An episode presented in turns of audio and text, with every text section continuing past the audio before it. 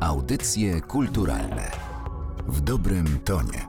Gdzie jeszcze ludziom tak dobrze jak tu? Tylko we Lwowie, gdzie śpiewem przytulą i budzą ze snu. tylko we Lwowie. I bogacz, i dziad, to co za pan brat, i każdy ma uśmiech na twarzy. A panny to ma słodziutki ten grób, jak sok czekolada i miód. I gdybym się kiedyś urodzić miał znów, tylko we Lwowie. Niech inni se jadą, gdzie mogą, gdzie chcą, do Wiednia, Paryża, Londynu, a ja się z Lwowa nie ruszę za próg. Tak pisał w piosence Lwów jest jeden na świecie Emanuel Schlechter. Muzykę skomponował Henryk Wars. Najsłynniejsi lwowscy batiarzy Szczepcio i Tońko zaśpiewali ją w filmie Michała Waszyńskiego Włóczęgi i tak utwór pod nazwą Tylko we Lwowie podbił serca nie tylko lwowiaków. Możliwiejszy dużo ładniejszych jest miast, lecz Lwów to jest jeden na świecie.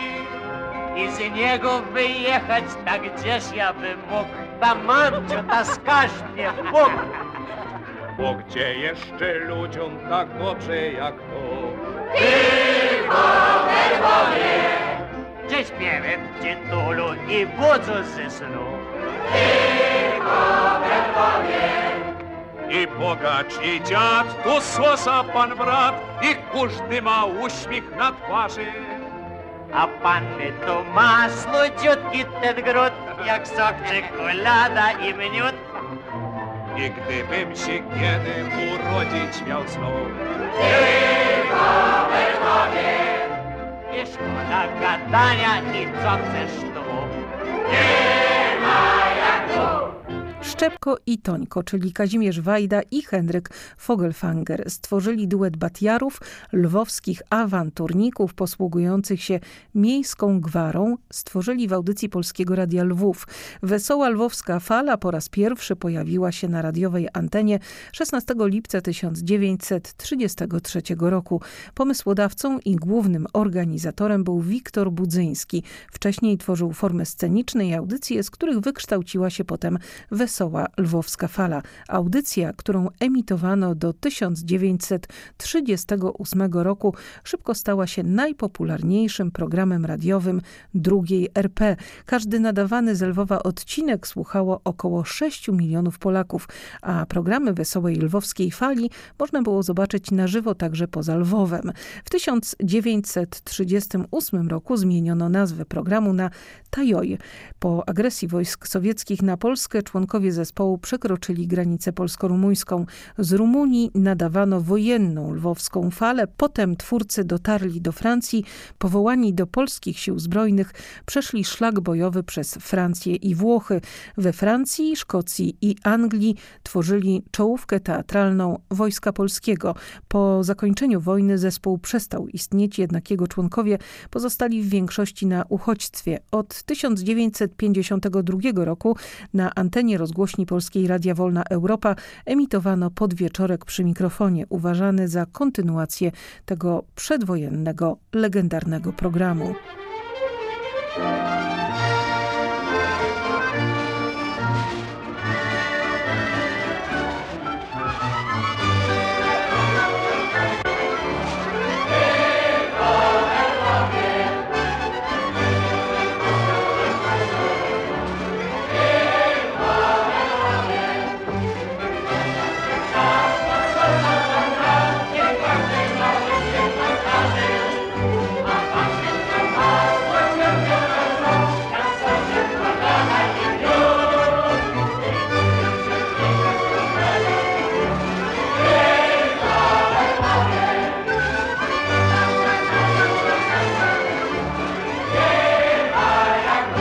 I Tońko znaleźli się w dywizji pancernej generała Maczka.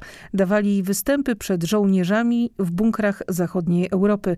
W 1944 roku w Holandii awansowano ich do stopnia podporucznika.